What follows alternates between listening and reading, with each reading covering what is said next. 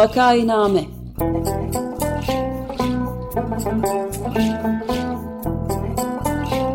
Salgın günlerinde memleket manzaraları. Hazırlayan ve sunanlar Güven Güzeldere, Ömer Madra ve Özlem Tekin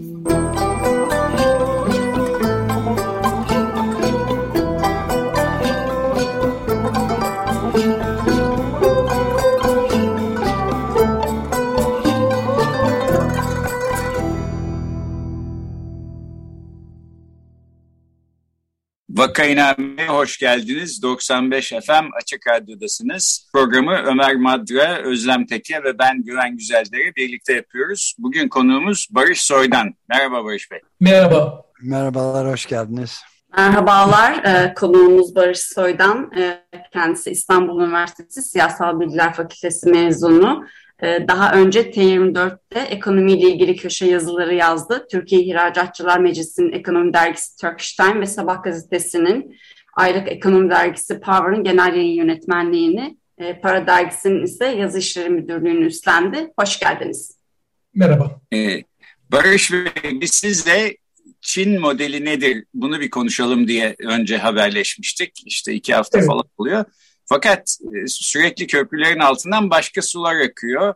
E, herhalde bu Çin modelinin sonra adı işte yerli ekonomi modeline döndü, Çin ibaresi kalktı filan gibi oldu ama e, genel anlamda bu modelin belki bir uzantısı olarak düşünülebilecek bir başka hamlenin gelmesiyle birlikte işte kurlarda Türk parasının yeniden değer kazandığını gördük.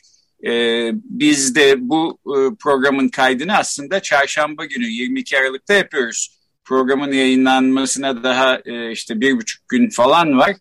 E, iki gün var. E, o zamana kadar da bambaşka şeyler olursa e, artık ne yapacağız bilmiyorum ama e, çok hızlı değişmelerin eşiğinde gibi gözüküyoruz.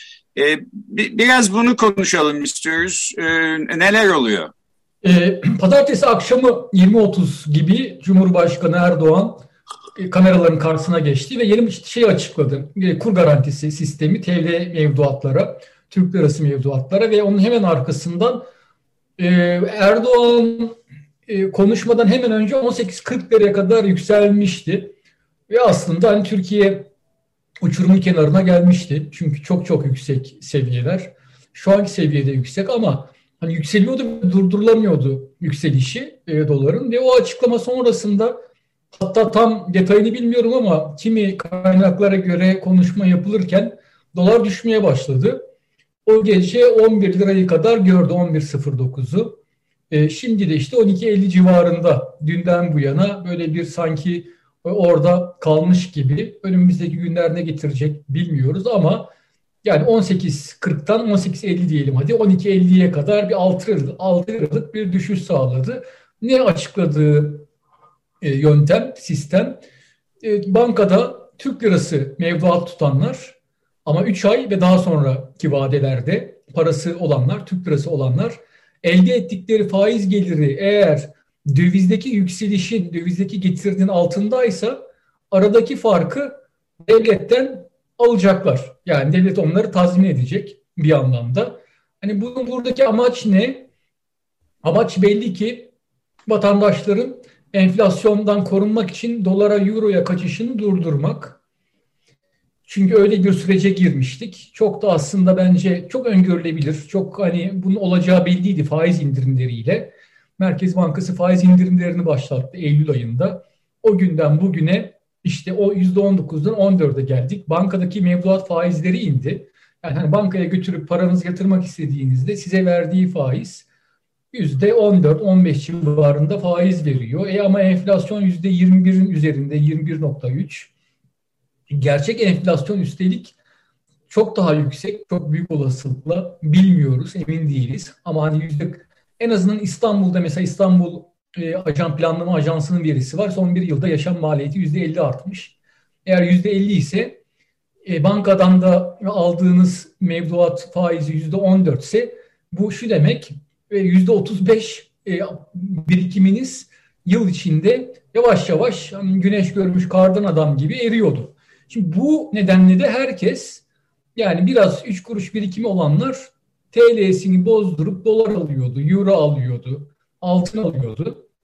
Bu Erdoğan'ın açıkladığı politika bunu durdurmayı amaçlayan bir politika. Yani diyorlar ki ya sen kaçma dolara işte bak ben sana ne kadar olacaksa dolardaki yükseliş o kadar ben sana vereceğim. Devlet kasasından vereceğim. Dolayısıyla euroya dolara gitmene gerek yok. E, bu bir miktar etkili oldu gibi gözüküyor. Bir kere bir psikolojiyi değiştirdi her şeyden önce. Yani işte iki gündür bir şey e, algısı var. Yani hani doların belini kırdı reis tırnak içinde gibi bir algı var bir yandan. E, diğer yandan hani bir kısım hakikaten şimdi bu e, bunun uygulamasını bekliyor. Yani hani bundan yararlanmak isteyenler olacak. Zaten hani şu anda TL mevduatı olanlar yararlanacak. E, bundan yararlanmak isteyenler de olacaktır. Yani özetle bu politika e, birkaç başka önlem de açıkladı ama hani onlar çok çok önemli değil. İhracatçılara yönelik de bir kur garantisi veriliyor. Belki o da bir, bir miktar önemli. Bu kadar olmasa da ihracatçılar da ileri vadeli e, doları, euroyu ne alacaklarsa öncesinden e, devletten alacaklar. Orada da bir garanti sunacak ihracatçı şirketlere. Bütün bunlar yani kısacası dolara, euroya talebi baskılamaya yönelik bir politika. E, bunun etkisiyle inmiş durumda. Tabii hani şu an şu tartışılıyor. Bir yandan e, bunun kalıcı olur mu dolardaki düşüş? Bu politikanın uzun vadede nasıl etkileri olacak Türkiye Cumhuriyeti hazinesine? İkinci tabii hani konuşulan konuda buna ne gerek vardı? Yani siz faiz arttırımından kaçmak için bu politikanın, bu önlemin uygulamaya konduğu çok açık. E neden faiz arttırmadınız başka ülkeler gibi sıkıştığınızda veya işte vatandaşlarınız kendi para biriminizden kaçmaya başladığında neden başka ülkelerin yaptığı gibi faizi arttırmadığınızda böyle hani böyle bir finansal nasıl diyelim simyacılık yöntemine başvurmak zorunda kaldınız. Yani iki tartışmada aslında ikinci tartışma belki biraz daha politik açıdan önemli, politik ve akademik açıdan diyelim. Neden faiz arttırmadı da böyle bir yönteme başvurdu sorusu. İlk soru ise yani bundan sonra ne olur sorusu tabii çok önemli. Yani çünkü çok yeni daha. Daha şunun şurasında 2-3 gün oldu. Bundan sonra hani artık bu iş bitti mi? Yoksa yeni dalgalar mı Türkiye'nin önünde var sorusu tabii çok önemli bir soru. Ee, peki ben şunu sorayım. Şimdi Çin modeli diye bir şeyle başlanmıştı önce. İşte evet. faiz e, düşük tutulacak, Türk parasının değeri bilerek düşürülecek. Bu şekilde e, ucuz iş gücü e, ile e, yabancı yatırımcılar çekilecek Türkiye falan. Bu hamlenin e, yani her ne kadar burada bir aslında gizli faiz arttırma var gibi gözüküyorsa da faizi düşük tutma görüntüsü e, sağlanmaya yönelik bir hamle olduğunu düşünüyorum. Bu anlamda bu ilk başta edinilen, benimsenen e, modelin hala uygulamada olduğunu herhalde düşünebiliriz öyle mi? Evet yani e, evet bunu hani öyle gözüküyor. Hani bundan vazgeçtiklerini söylemediler. Zaten aslında o da çok yeni biliyorsunuz. Hazine ve Maliye Bakanlığı'nın o Türkiye modeli e, açıklamasının üzerinden zaten çok çok kısa süre geçti ondan vazgeçtiklerine dair bir açıklama yok. Zaten hani mevcut politikada hani faizi düşük tutalım e, politikası da e, ona bir anlamda hizmet ediyor. Fakat tabii şöyle bir şey oldu. E, o zaman 12,5 lira mı bu işin seviyesi? Hani belki de öyle de açıklayabilirler. Yani buraya nereden geldik? Eylül ayında Merkez Bankası faiz indirimlerini başlattığında 8.60 TL'deydi. Dolar TL. Oradan 12.5'a geldik. E işte hani yılbaşından bu yana da yaklaşık yüzde kırklık bir değer kaybı var. Hala Türk lirası e, son bakmadım ama yani hani değiştiğini sanmıyorum. E, bu yıl içinde dolar karşısında dünyada en fazla değer yitiren para birimi açık ara idi. E, Arjantin pesosunun da önünde. Şimdi böyleyken e, aslında o politikanın yani işte ihracat odaklı büyüme e, biz artık sıcak para istemiyoruz bu ülkede politikasının devam ettiğini söyleyebiliriz. Ben de e, bir şey sorabilir miyim? Yani e, bu şeyin e, bakanı, Hazine ve Maliye Bakanı Nureddin Nebati bir kere e, büyük bir e, manifesto diye adlandırdı. Yani Cumhurbaşkanımız adeta bir manifesto yayınladı dedi ve birçok şey değişti. Yeni bir model öne sürdüklerini e, ileri sürdü kendisi. Ve şimdi normale döndük. Hatta büyüme yok. E, büyümenin üstünde sıçrama var dedi.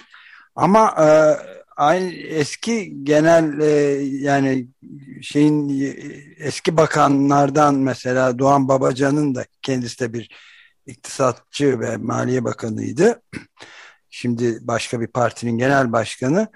Yani dövize endeksli mevduat planını değerlendirirken Cumhurbaşkanı bir konuştu. Döviz düştü dedirtmemek için, dedirtmek için affedersiniz. Bağlı, e, kamu bankaları bu dönemde cayır cayır döviz satıyorsa bunu birilerinin açık, çıkıp açıklaması lazım diye bir ifade kullandı. Yani bir e, belirsizlik yok mu burada? Var. Yani o pazartesi gecesi ne olduğunu bilmiyoruz. Nurettin Nebati dedi ki bakan satılmadı diyor döviz. E fakat e, Ali Babacan satıldığını söylüyor. Yani yılların bakanı yani iktidar partisinin uzun yıllar şeyini yaptı. E, ekonomiden sorumlu devlet yani ekonomiden sorumlu bakanıydı. Başbakan yardımcılığını falan yaptı. Şimdi ve bu arada tabii yani nasıl oldu da bir anda birdenbire pazartesi akşamı o kadar işte 1-2 milyar dolarlık vatandaşlarımız daha Cumhurbaşkanı konuşurken satışa geçtiler. Bu sorunun cevabını bilmiyoruz. Yani bu soru aslında ortada hala duruyor. Yani orada bir şüphe duymak son derece haklı. Yani hani şüphelenme, şüphelenmek için çok emare var ortada.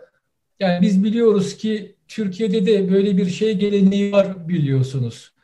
E, meşhur Falih Rıfkı Atay'ın Zeytin Dağı'nda e, söylediği söz daha sonra neredeyse böyle bir deyime dönüştü. Şarkta yalan ayıp değildir. Yani hakikaten de hani bizim devlet geleneğimize baktığımızda hani böyle büyük kutsal çıkarlar, amaçlar varsa e, şarkta yalan ayıp değildir. Hani çünkü sonuçta ne olacak ki? Kutsal davaya hizmet ediyoruz burada. Ne, ne, ne olacak? Hani iki tane yalan araya sıkıştırıvermişiz diye düşünüyor da pekala olabilirler. Yani çünkü hani somut bir şekilde hani o psikolojiyi yani pazartesi gecesi çok sayıda vatandaşın birden o anlatılan programı işte TL mevduata kur garantisini çözüp anlayıp hemen dolardan TL'ye geçmeleri ve mevduat açmaları çok bana inandırıcı gelmiyor ama tabii ki elimizde net e, kanıtlar e, şeyler yok, e, deliller yok. O yüzden sadece böyle bir genel izlenim olarak söylüyoruz. Kendi hani kişisel tecrübemizi katıyoruz işin içine. Bu ülkede işler nasıl oluyor? Geçmişte nasıl oldu? Mesela 2019'daki yerel seçimlerde hatırlayalım.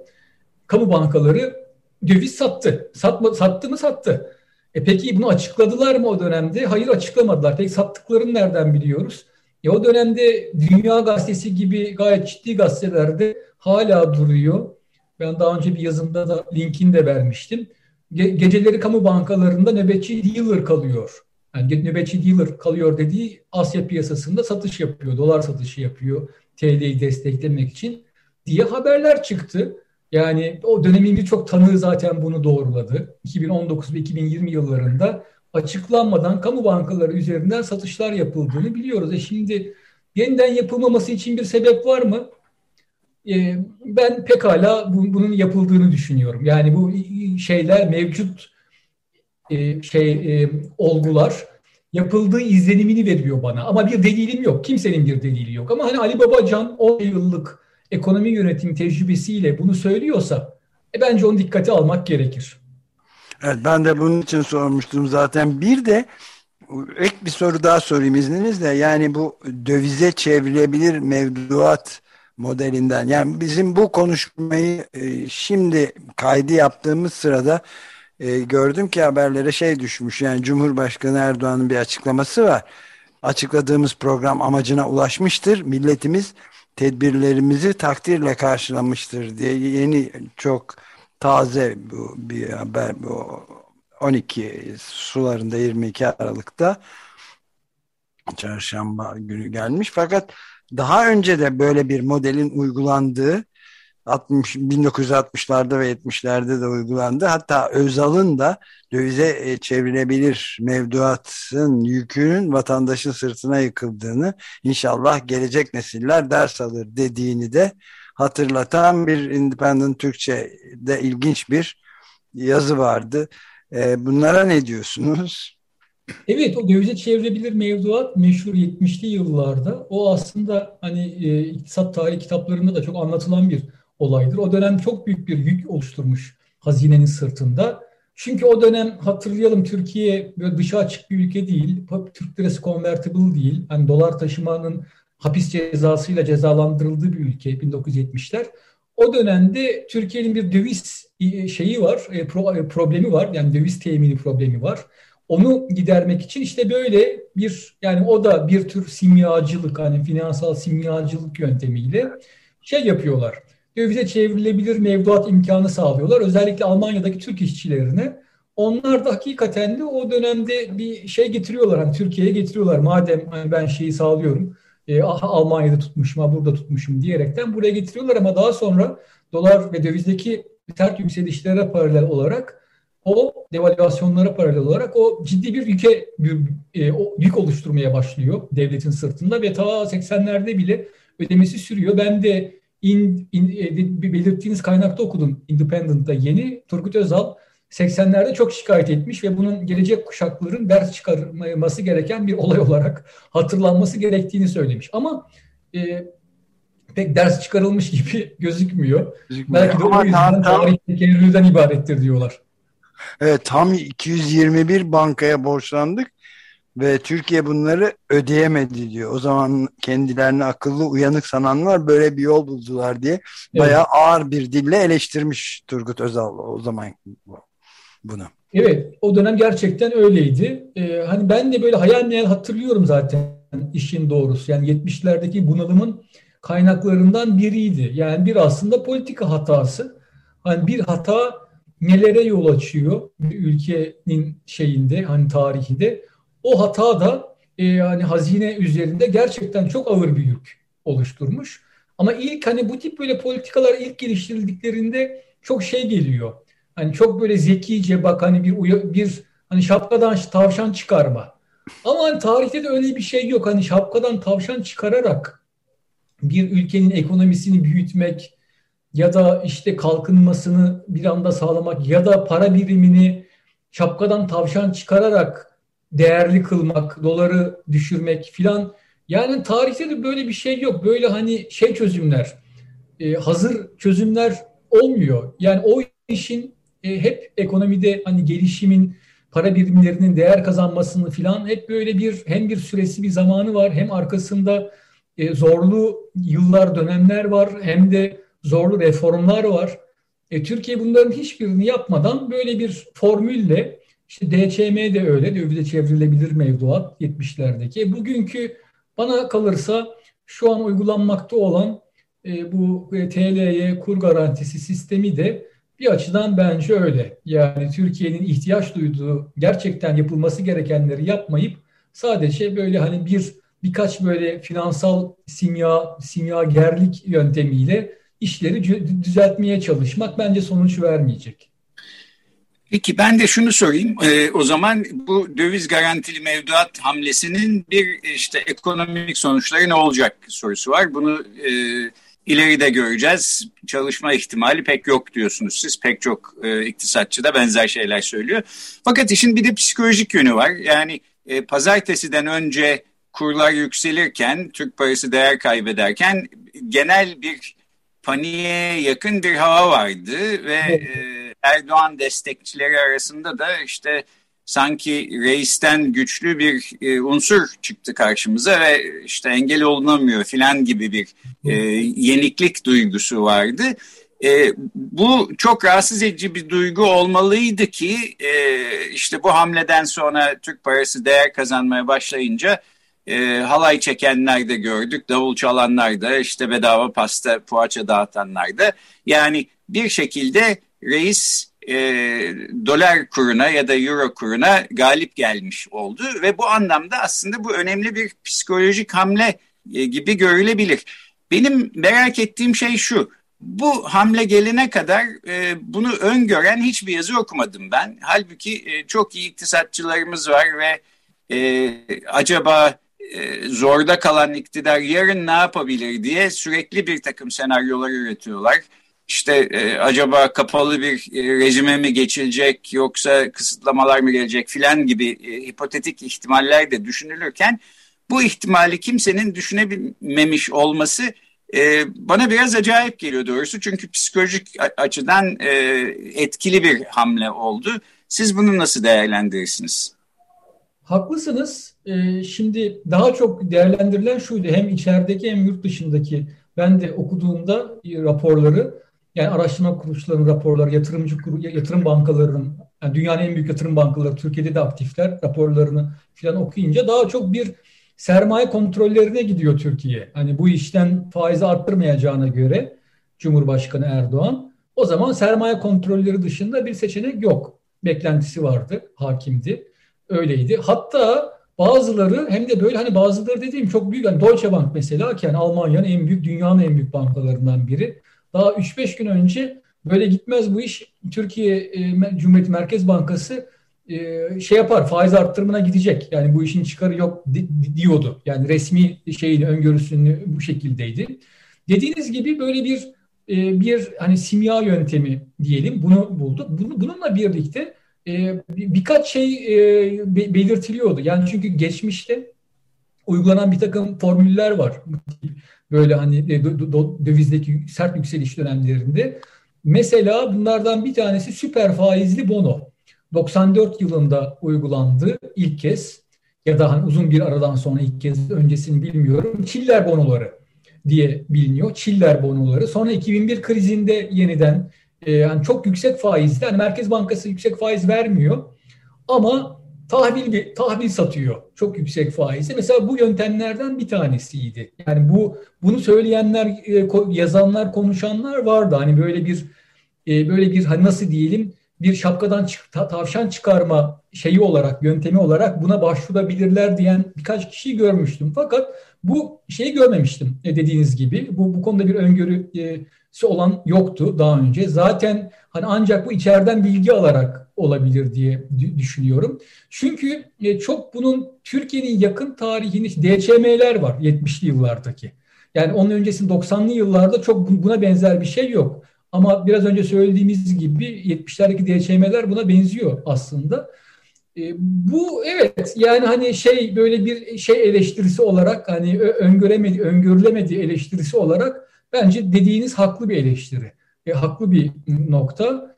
Bununla birlikte hani genellikle böyle oluyor. Yani bu çok böyle türbülans dönemlerinde ben 2001 krizini de hatırlıyorum. Yani 2001 krizinden Türkiye tarihinin en ağır kriziydi ki hala bugünkü krizden de daha ağırdı. Çünkü orada bankacılığa sirayet etmişti iş. Onu dahi ben hani hatırlıyorum medyayı o dönemde. Öncesinde yani Türkiye çok ağır bir krizin eşiğinde diyen e, böyle ekonomi yazarı e, veya işte hani gazete falan yoktu. Ben hatırlamıyorum. Hatta o dönem kendi aramızda tartışmıştık. Hani gaz şeyin ekonomi medyası sorumluluğunu yerine getiremedi, uyaramadı şeyi halkı en azından. Tabii onun başka problemleri var. Medyanın e, sahiplik yapısı falan. Yani orada biraz otosansürün de kuşkusuz etkisi var. Ama dediğiniz nokta e, de haklısınız. Yani şu son adım öngörülemedi. Ama ben bu adımın kalıcı bir etki yaratmayacak kanaatindeyim. Onu tekrar belirtmek isterim. Peki bu kimin sırtına biner son soru olarak benden böyle bir şey geliyor. Bunun maliyeti bir, bir şeylere bir yerlere gelecektir herhalde. Evet. Ee, hangi kesimin sırtına binebilir? Böyle bir şey sorulabilir mi?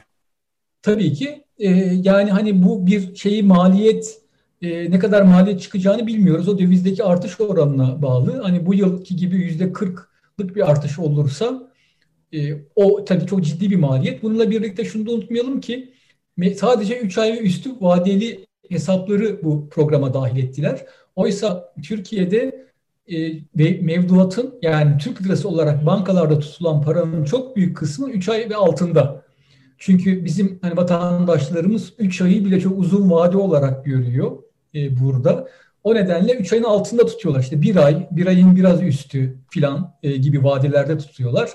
Bu biraz böyle bu burası bir kere bence önemli bir nokta. Yani bu hem bu e, uygulamaya konan e, şeyin yöntemin etkisini azaltıcı bir e, faktör hem de tabii maliyetini de devletin üzerinde maliyetini azaltabilecek bir faktör. Kim bu işin e, yükümlülüğünü alacak sorusuna dün akşam bir yanıt geldi. Merkez Bankası bu vade e, dövizden TL'ye dönüş konusunda destek olacağını e, açıkladı. Resmi bir açıklama yaptı. Buradan şu sonucu çıkartıyoruz. En azından hepsi olmasa bile bir kısmı Merkez Bankası tarafından karşılanacak. E ne demek Merkez Bankası tarafından karşılanması? Merkez Bankası para basacak. Para basacak. E para basması peki ne demek? Para basması da enflasyon demek. Yani enflasyon etkisini, enflasyonun daha da yükselmesi demek. Önümüzdeki dönemde hani bu neredeyse artık kesin. Öyleyse bu uygulanan politika bir müddet sonra enflasyonla ekstra bir artışa neden olacak. Ve şunu biliyoruz ki enflasyonla dolar arasında bir neden sonuç ilişkisi var. Bir tür yumurta tavuk ilişkisi. Enflasyon arttığında bir müddet sonra o ülkenin ulusal para birimi diğer paralar karşısında değer yitiriyor. E, Türkiye'de de eğer enflasyon yüzde 40'a 50'ye çıkarsa gelecek yıl bu Türk lirasının daha da fazla değer yitireceğinin, doların daha da fazla yükseleceğinin işareti olacak. O nedenle zaten iktisatçılar şunu söylüyor. Yani hani bu politika yetmez tamam iyi güzel. Hani tamam bunu uygulamaya koydunuz. Hani şöyle kim, kimse ben de öyle söylemiyorum. Yani bu külliyen yanlış bir şey yapıyorsunuz. Külliyen hata denilmiyor ama yani bundan buna varıncaya kadar yapılması gereken o kadar çok şey yani enflasyonla mücadele için eğer enflasyonu bir problem olarak değerlendiriyorsunuz, değerlendiriyorsanız yapılması gereken o kadar çok şey, atılması gereken o kadar çok adım var ki e siz bunların hiçbirini yapmayıp sadece bu politikayla yani kur garantisiyle ben yola devam, devam edeceğim diyorsanız o zaman bu hem dola, yani dövizdeki artışı kalıcı bir şekilde engellemez hem de dediğiniz gibi e, kur arttığı e, oranda kur, kurdaki artış oranında hazinenin ya da Merkez Bankası'nın sırtına ciddi bir yük bindirir. Evet, peki böylece e, bitirelim. Vaktimizin sonuna geldik. Bu sizin şapkadan tavşan çıkartma diye nitelediğiniz hamlenin de etkili olup olmadığı seçimde ya da olası bir erken seçimde nasıl bir sonuç e, vereceğine herhalde hep birlikte tanıklık edeceğiz e, evet. yakın gelecekte. E, evet. E, bugün konuğumuz ekonomi yazarı Barış Soydan'dı. E, Türkiye'de döviz kurunda ve ekonomide e, var olmakta olan e, son e, gelişmeleri konuştuk. Çok teşekkürler Barış Bey. Çok teşekkür Ben teşekkür ediyorum. Teşekkürler. Çok teşekkürler.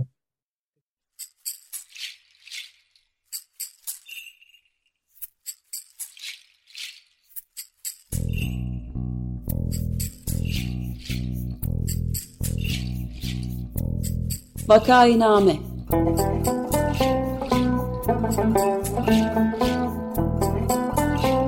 Salgın günlerinde memleket manzaraları. Hazırlayan ve sunanlar Güven Güzeldere, Ömer Matra ve Özlem Tekin